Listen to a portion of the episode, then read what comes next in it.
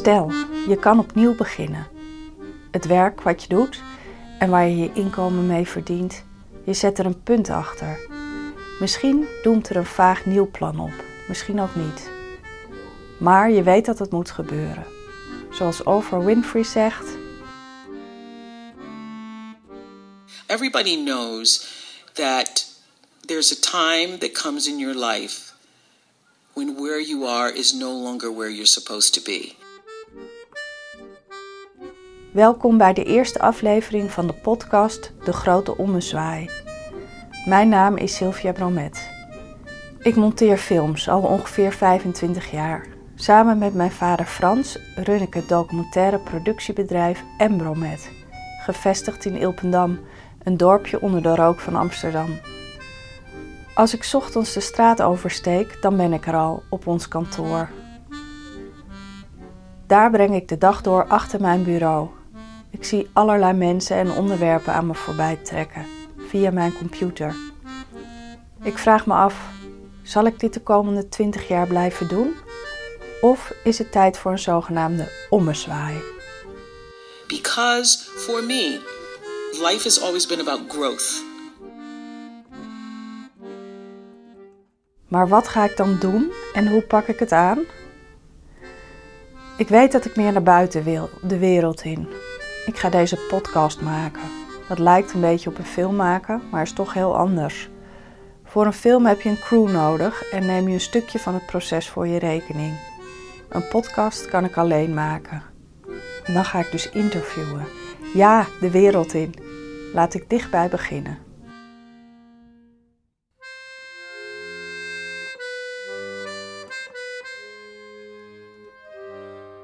Ik zie mezelf nog staan afgelopen zomer in de tuin. Het was bijna avond, het was stil, er was geen wind. En boven de bloemen in mijn tuin hing een wolk vol kleine beestjes. Bijen. Dit is mijn daadkrachtige zus Laura. Ook zij woont in Ilpendam en ze werkt in Den Haag als Tweede Kamerlid voor GroenLinks. Een lieveersbeestje heeft niets aan extra onderzoek en er komt geen libelle bij door nog meer overleg. Er moeten maatregelen komen. Minder gif, minder mest. Dat helpt de insecten echt. Laura werkte ook in ons familiebedrijf. Ze deed de zogenaamde zakelijke kant, maar ze stopte daar alweer jaren geleden mee. Ze vertelde me laatst een inspirerend verhaal. Met een geleende audiorecorder ga ik bij haar langs. Ja, nu loopt hij. Zou die nu opnemen? 1, 2, 3, test, test, test. Nou, dit is dus een uh, korte test. Waar zijn de microfoontjes? Oh, hier. En nu gaat hij gewoon opnemen. Ik ben benieuwd, wat ga je met de podcast? Dus je gaat naar de radio overstappen? Uh, nou, overstappen. Het is niet echt radio, hè, podcast. Nee, nee, het, Het is, is net weer wat media. anders.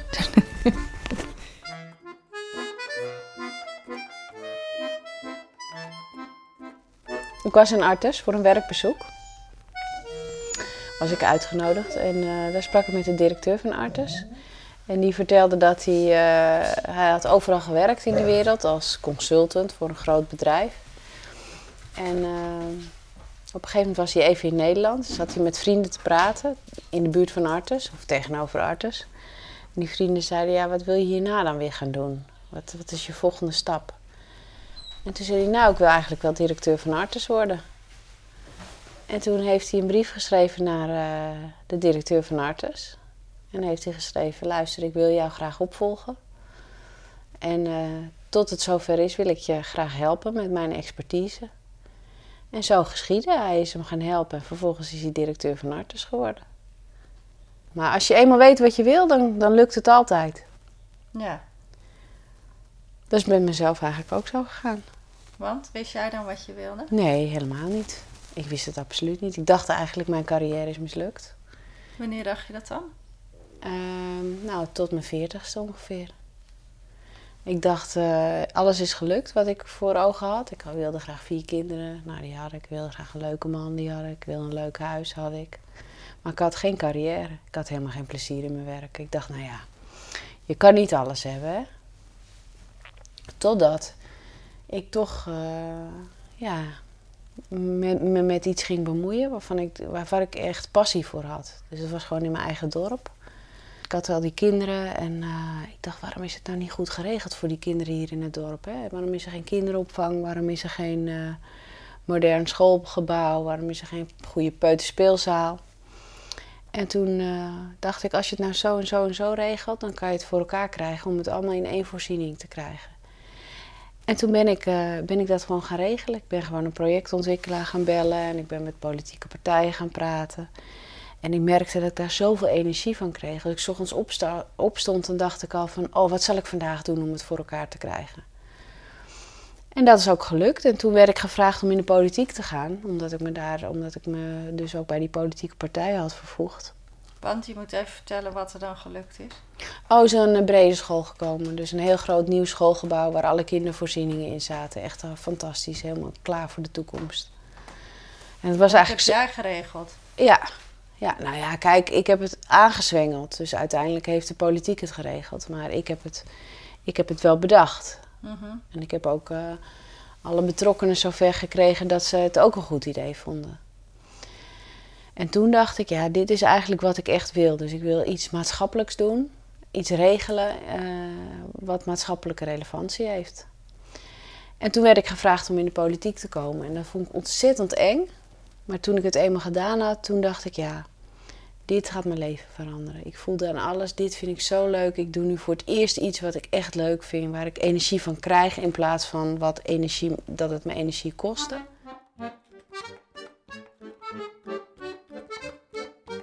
Hey, dat klinkt wel erg makkelijk. Gewoon even weten wat ik wil gaan doen en het dan gewoon gaan doen. Erop af of hup ermee, zoals mijn vriendin Martine altijd zegt. Jij het al? Nee, ja, ik wil die uh, toast met uh, avocado mash en een gepocheerd eitje. Zit daar knoflook in ergens in een van die... Ik ken Martine van de middelbare school, waar we vaak samen naartoe fietsten. Ik heb met haar afgesproken in een café op Eiburg. Martine was mijn eerste vriendin die een auto kocht. Ze werkte toen als accountmanager bij een afvalverwerkingsbedrijf. De afgelopen jaren werkte ze bij ons. Ze was uitvoerend producent. Altijd op tijd, alle zaken netjes op orde.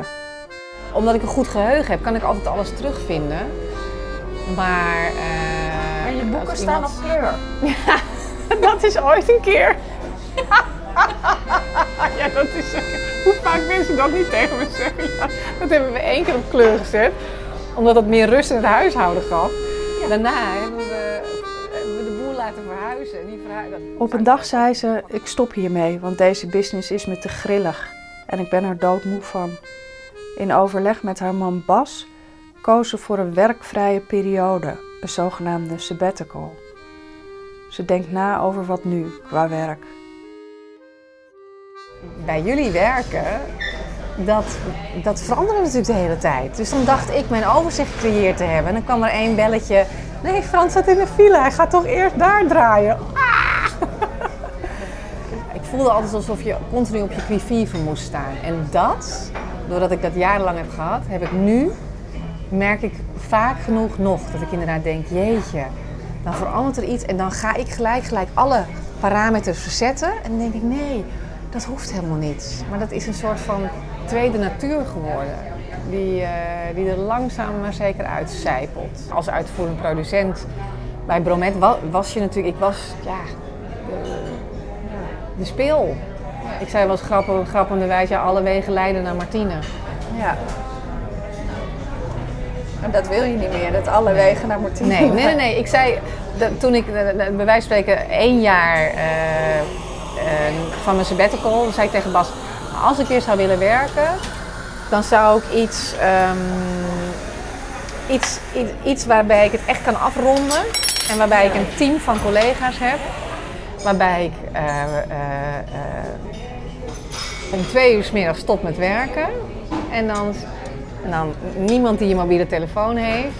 Dat leek me dan het ideale plaatje. Ik zei, en waarbij het ook uh, en dan komt ook weer die hang naar structuur kwam boven. Ik zei wel schertsend, zei ik tegen Bas, niet dat ik het wil hoor, maar ik kan me best voorstellen dat het werken bij de McDonald's, dat dat heel fulfilling kan zijn. Dat je Maar dat je dan wel weet van, hé hey jongens, om vier uur moeten we echt wel Big Macs klaar hebben, want dan neemt de vraag daar naartoe. Dus dat het allemaal een geoliede machine. Dat het allemaal zo, hè, alles komt er uit die, uit, die, uit, die, uit die ovens vandaan. Iedereen weet precies hoe lang de friet moet. Daar heb je uh, de, en wat de, zou jij de, daar de, dan gaan de doen? drive-in. Nou, dat is, ja, dat, dat is dan, als ik dat dan bedenk, hè, wat natuurlijk nergens op slaat, maar dan dacht ik, ja, ga je, yeah, sure, jij gaat daar achter die balie staan. Nou, daar knap je echt niet van op. Dan zou ik weer een rol krijgen van bedrijfsleider of van manager. Dus dan moet je weer personeel aan gaan nemen. Dan melden ze zich bij jou ziek. dacht ik, oh nee. nee. En ik, het, ik, ik kwam natuurlijk ook wel van diep. Ik moest, wel, ik moest ook wel weer het vertrouwen krijgen dat ik, dat ik een baan met iets meer druk ook wel aan zou kunnen. Dat was ik ook wel kwijt. Ja. Je dacht, ik wil gewoon helemaal geen verantwoordelijkheid Ja. meer. ja. En ook wel over nagedacht dat ik dacht van... ehm, ben ik er een leuke persoon op geworden tijdens die periode met dat hele harde werken? Nee. Nee. Nee. Want uiteindelijk was die verantwoordelijkheidsdrang die was zo groot... dat ik bij wijze van tegen mijn kinderen zei... Oh, mijn telefoon gaat, wacht even. En dan nam ik die op, terwijl mijn kind misschien ook wel iets belangrijks. Dus dat was heel... Ja, heel... En ik zat ook ik zat vast. Ik was, was verkrampt. Ik kon niet meer goed nadenken. Ik kon niet meer erboven gaan hangen en bedenken van... Even tandje terug. Zoals jij wel tegen me zei, je bent helemaal wild, Martine. Ja, zo voelde ik me ook.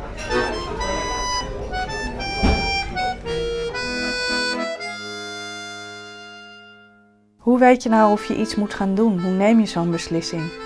Ik zit deze podcast wel te maken, maar zit er wel iemand op te wachten? Ik bedoel, wanneer moet je een bepaalde richting serieus nemen? Laura twijfelde ook heel lang, totdat er geen ontkomen meer aan was. GroenLinks die vroeg mij en die drong ook aan, want ik moest maanden nadenken. Ze vroegen, wil je op de lijst voor de verkiezingen? En op het laatst zeiden ze van, nou, we willen je op twee zetten. En toen dacht ik, nou, dat is wel een kans, hè? Dat je meteen vanuit het niets op twee komt. En degene die mij vroeg, die zei ook, als je het niet leuk vindt, dan stop je er gewoon weer mee. Want er is ook altijd een nummer drie en een nummer vier op de lijst. Maar ik wist meteen, dit is het. En uh, nou ja, toen ben ik raadslid geworden, wethouder. Ik ben uh, ook in mijn, uh, want het zijn vrijwilligersfuncties, of nee, raadslid is vrijwilligerswerk. Dus toen ben ik er ook een baan bij gaan zoeken in een maatschappelijke organisatie. Omdat ik dacht, ik wil dus geld verdienen met iets waar je je maatschappelijk inzet. En toen ben ik bij Milieudefensie gaan werken en ik ben bij de Tweede Kamerfractie van GroenLinks gekomen als beleidsmedewerker. Toen kreeg ik al het idee van, van nou, nu is mijn carrière niet meer mislukt. Toen dacht ik, uh, mijn carrière zit wel op het spoor. Maar ik wilde eigenlijk topvrouw worden. Dus ik dacht toen... En wat is dat? Nou, ik dacht ik wil eigenlijk gewoon uh, een hoge positie hebben. Ik wil gewoon... Uh, en waarom? Ja, ik weet niet. Een soort... Voor het geld of het aanzien? Nee, niet voor het geld. Nee, nee, absoluut niet voor het geld. Nee, voor het aanzien, ja. En voor... Wat ik ook merkte bij al die functies die ik had... was dat ik het niet zo leuk vond om assistent te zijn. Dus ik wil gewoon eigenlijk de baas zijn. Ik wil uh, heel veel uh, eigen inbreng kunnen hebben in mijn werk. En niet... Ik word er niet gelukkig van als iemand de hele tijd zegt wat ik moet doen. Dus, uh, nou, toen kon ik wethouder worden. Was ook moeilijk, hè? Want dan moet je in je eigen fractie moet je zeggen... ik wil wethouder worden. Dat, dat vond ik eigenlijk doodeng. Maar ik deed het toch. En toen werd ik het. En toen dacht ik eerst, nou, dat kan ik helemaal niet. Maar het ging hartstikke goed. En wat dacht je dan dat je niet zou kunnen? Uh, nou, ik heb wel altijd gehad dat ik tegen alles opkijk. Ook tegen mensen opkijk. Dus aan de ene kant wil ik een positie. Aan de andere kant kijk ik er ook heel erg tegen op. Dus ik ben op zoek naar aanzien. Maar aan de andere kant heb ik zelf dat ik heel veel optie tegen mensen. Dus toen ik beleidsmedewerker was in de Tweede Kamerfractie... toen keek ik ook enorm op tegen die Tweede Kamerleden. Ik dacht echt, hoe komen ze daar? Hoe is het ze gelukt om daar te komen? En dan had ik ook met het wethouderschap. Ik dacht, ja, dat is toch wel echt een moeilijk vak. Maar ja, als je je best doet, dan kan je het gewoon. Maar denk je dan, zie je er dan tegenop omdat je denkt dat het heel moeilijk is? Of dat je een bepaalde houding moet hebben om zo'n functie te vervullen? Nee, ik denk eigenlijk eh, bij alles wat ik doe, dat kan ik niet van tevoren. Dus dat heb ik mijn hele leven al gehad. Bij alles wat ik moet doen, denk ik, nou, dat kan ik dus niet. En dan heel vaak lachen mensen en dan zeggen ze, ja, natuurlijk kan je dat wel. Dus dat had ik toen ik raadslid werd, dat had ik toen ik wethouder werd, dat had ik toen ik beleidsmedewerker werd bij de Tweede Kamer. Dat had ik toen ik Tweede Kamerlid werd. Heel erg zelfs. Want ik, ik dacht, want ik ben op een gegeven moment dus Tweede Kamerlid geworden vorig jaar. En in die week voordat ik wist dat ik het zou worden en dat ik beëdigd zou worden, heb ik alleen maar paniekaanvallen gehad. Dacht ik van ja, iedereen zei tegen mij, nou gefeliciteerd, dat wilde je toch zo graag? En ik dacht alleen maar, wilde ik zo graag, wilde ik zo graag, ik durf het niet, ik kan het niet, ik kan dat helemaal niet.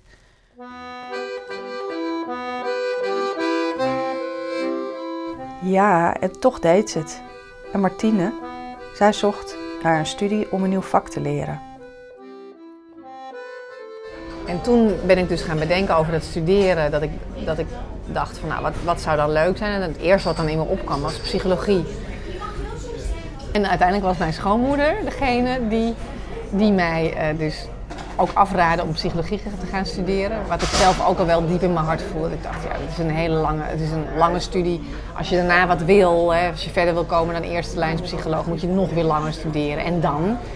Dat is Want dat is wat je in je hoofd had. Ik nou, nee, nee, ik wilde gewoon. Ik vind psychologie studeren aan zich lijkt me heel interessant. Dus ik had gekeken, bijvoorbeeld op de Open Universiteit, naar cursussen. Dan kun je allerlei cursussen doen. Maar ja, toen, toen, zei, zei ik dat tegen Bas. Toen zei Bas, ja, maar ga niet studeren om het studeren. Het is wel leuk als je iets studeert, dat je dan daarna er iets mee kan. Dus ga dan inderdaad daar verder over nadenken. Nou, ik was nog niet zoveel verder gekomen. En maar toen, psycholoog was uitgesloten? Ja, ook omdat dat vaak natuurlijk, dat zijn vaak ondernemers. En dat wil ik niet meer. Ik wil niet meer ondernemen. Weer iets wat je niet wil. Ja, precies. Ken je dat? Heel goed weten wat je niet meer wil. De dingen op je werk waar je moeite mee krijgt. Het lijkt of sommige dingen steeds meer energie kosten en steeds minder opleveren.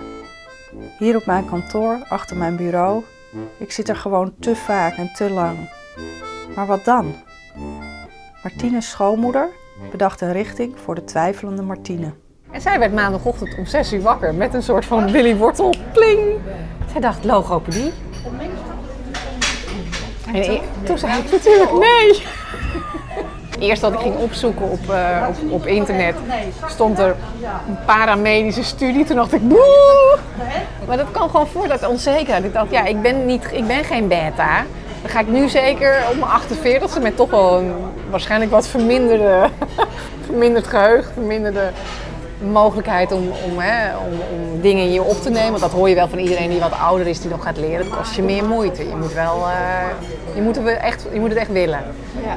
Dat ik, ja, ga ik dan ook nog uh, de beta-hoek in? Oh mijn god, waarom? Dat wil ik niet. Dat, dat wil ik niet. en toen, uh, dus dat zei ik ook. Nee, dat ga ik niet doen. Toen zei Bas, ja, maar de kracht van de nee, die ken ik nu wel van je. Ga er nou eens echt in verdiepen.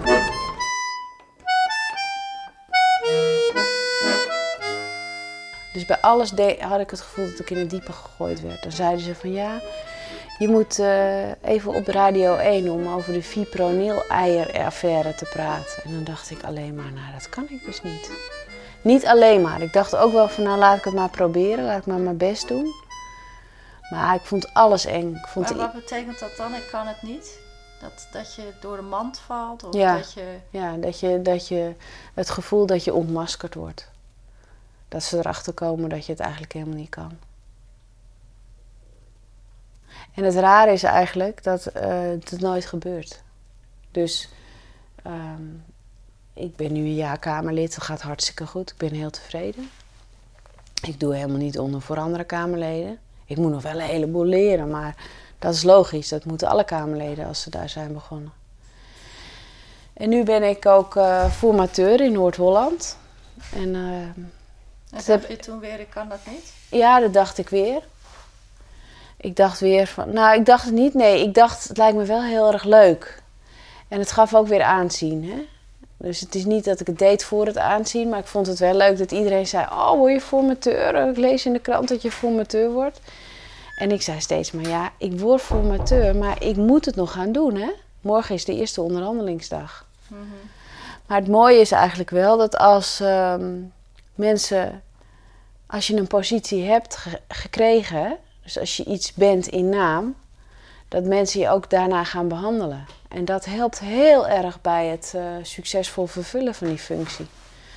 Dus als ik daar aan tafel zit met die gedeputeerden en die kandidaat-gedeputeerden en die statenleden. En ze kijken allemaal naar me en ze verwachten allemaal dat ik het kan. Dan moet je het waarmaken. Maar het ge- gekke is dat je het dan ook kan. Als je gewoon even je best doet. Maar betekent het dat, dat je eigenlijk er bijna vanaf bent? Dat je denkt, ik kan dat niet? Of blijft dat altijd? Nou, het heeft wel een boost gekregen het afgelopen jaar, ja. ja.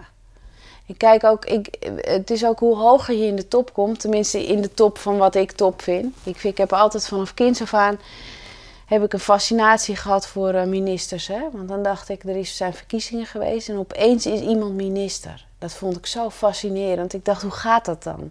Gaat dan de telefoon en dan krijg je een telefoontje van jij mag minister worden. Ja. Het was het hoogste wat, wat ik maar dacht dat je kon worden. En eh, nu zit ik naar die ministers te kijken. Hè. Ik heb de, eerste dag dat ik Kamerlid werd, had ik ook een afspraak met de minister van eh, Landbouw, Natuur en Voedselkwaliteit, uh, Carole Schouten. Die kwam bij mij op de Kamer kennis maken. Ook dat ik dacht van, nou, ik zit hier gewoon met een minister aan tafel. Hoezo zit ik nu opeens op mijn kamer met een minister te praten? Maar ja, Carole Schouten is gewoon net zo iemand als ik. Ja. Ja, ja, oké. Iedereen is ergens begonnen voordat hij zo goed was als hij nu is. Door deze podcast te maken leer ik iets nieuws en zit ik niet alleen maar in een kantoor achter een bureau. Maar is hij wel goed genoeg? Een van de beste podcastmakers is ongetwijfeld de Amerikaan Ira Glass. Hij is host van de gerenommeerde wekelijkse podcast This American Life. Hij steekt me op YouTube een hart onder de riem. And the thing I, I would just like say to you with all my heart is that m- most everybody I know who does interesting creative work, they went through a phase of years where they had really good taste, they could tell what they were making wasn't as good as they wanted it to be. They knew it felt short. It didn't have this special thing that we wanted it to have. And the thing I would say to you is everybody goes through that.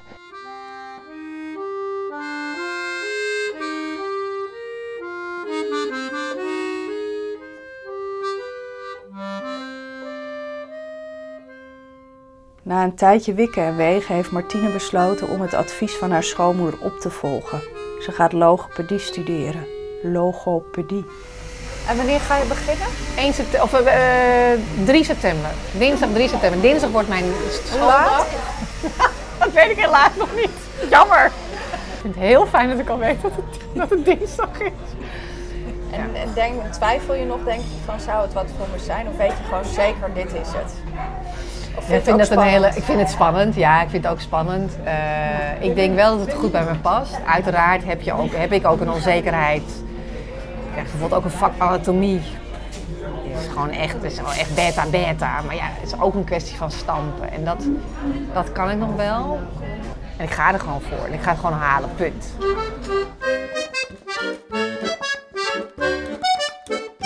Je hebt natuurlijk een interne drive. Je denkt ik kan het niet, maar je vindt het wel heel erg leuk om te doen. Ja. Dus je doet het vanuit je belangstelling en vanuit eh, de passie die je voelt. En tegelijkertijd is er zo'n stemmetje die zegt van ja, jij vindt het wel leuk, maar je, je, je kan het helemaal niet. Maar waar komt het stemmetje vandaan? Ja, daar ben ik mee geboren. Ik, dat heb ik altijd al gehad met alles. Maar Af heeft van- iedereen het dan, denk je? Nou, ik denk in ieder geval wel heel veel vrouwen. Ik denk dat een van de redenen waarom vrouwen dus niet zo snel aan de top komen, is omdat ze altijd denken dat ze het niet kunnen. Ik herken het wel als ik met andere vrouwen praat. Die hebben dat ook. Maar hoe, zou, hoe kan dat nou? Dat vrouwen dat hebben, is dat biologisch of is dat cultureel bepaald? Nee, ik denk dat het wel biologisch is. Kijk, mannen hebben toch een zeker, over, zeker overmoed. Die eh, gaan het gewoon doen en die kijken dan wel of het ze lukt. En vrouwen, tenminste, ik Ik wil niet al te veel generaliseren, maar wat ik zelf heb, is... Ik ben acht jaar raadslid geweest voordat ik wethouder werd. Omdat ik dacht van, ik ben er nog niet klaar voor na vier jaar. Ik moet eerst nog vier jaar raadslid zijn. Een man zou dat nooit doen. Die zou bij wijze van spreken na een maand lidmaatschap eh, van de raad zeggen van... Nou, nu, nu uh, komt er een plekje vrij en nu zal ik het innemen. Ik zie wel hoe ik het doe. Ja. Die hebben gewoon veel meer bravoure. En wat is dan de moraal van het verhaal? Nou, dat sowieso. Daar ben ik het ook helemaal mee eens. Je moet goed nadenken over wat je wil. En als je weet wat je wil, dan moet je het gewoon gaan doen. Alleen, het, het is, dus de moeilijkste stap is niet voor elkaar krijgen dat wat je wil. De moeilijkste stap is nadenken over wat wil ik nou eigenlijk. Ja. Als je eenmaal weet wat je wil, dan lukt het altijd. Ja, ik weet wel wat ik wil. Ik wil mooie verhalen maken. Nu nog als documentairemaker, maar ik heb ook de smaak te pakken gekregen om een podcast te maken. Zo leuk om te doen, maar de zelftwijfel blijft knagen. You gotta know it's totally normal, and the most important possible thing you could do is do a lot of work. Do a huge volume of work. Put yourself on a deadline so that every week or every month you know you're to finish one story. It takes a while. It's to take you a while. It's normal to take a while, and you just have to fight your way through that. Er zijn duizend redenen om op hetzelfde pad door te wandelen en me gelukkig te prijzen met het fijne werk dat ik al jaren doe. Maar wat als je er wel een punt achter zet? In de volgende aflevering van De Grote Ommezwaai, Angelica. Zij verkocht haar goedlopende modewinkel op de Keizersgracht in Amsterdam. Ze vraagt zich na 16 jaar ondernemerschap af wat ze nu zal gaan doen. En hoe maak je je een nieuw vak eigen? Tony Ruis, oud-CEO van Heineken, is al jaren met pensioen als hij wordt gevraagd om een rol te spelen in een maar liefst 9 uur durend toneelstuk. Hoe gaat hij dit aanpakken?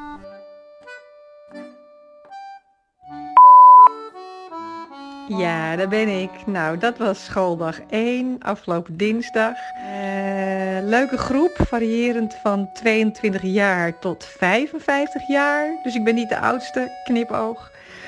Schouders eronder en, uh, en gaan. Dat was het. Bye bye.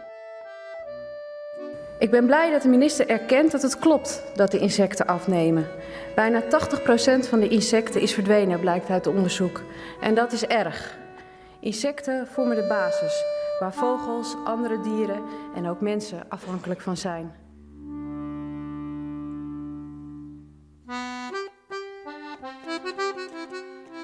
Heb je genoten van deze eerste aflevering? Zeg het voort en laat dan een reactie achter. Dan kunnen andere luisteraars de podcast makkelijker vinden.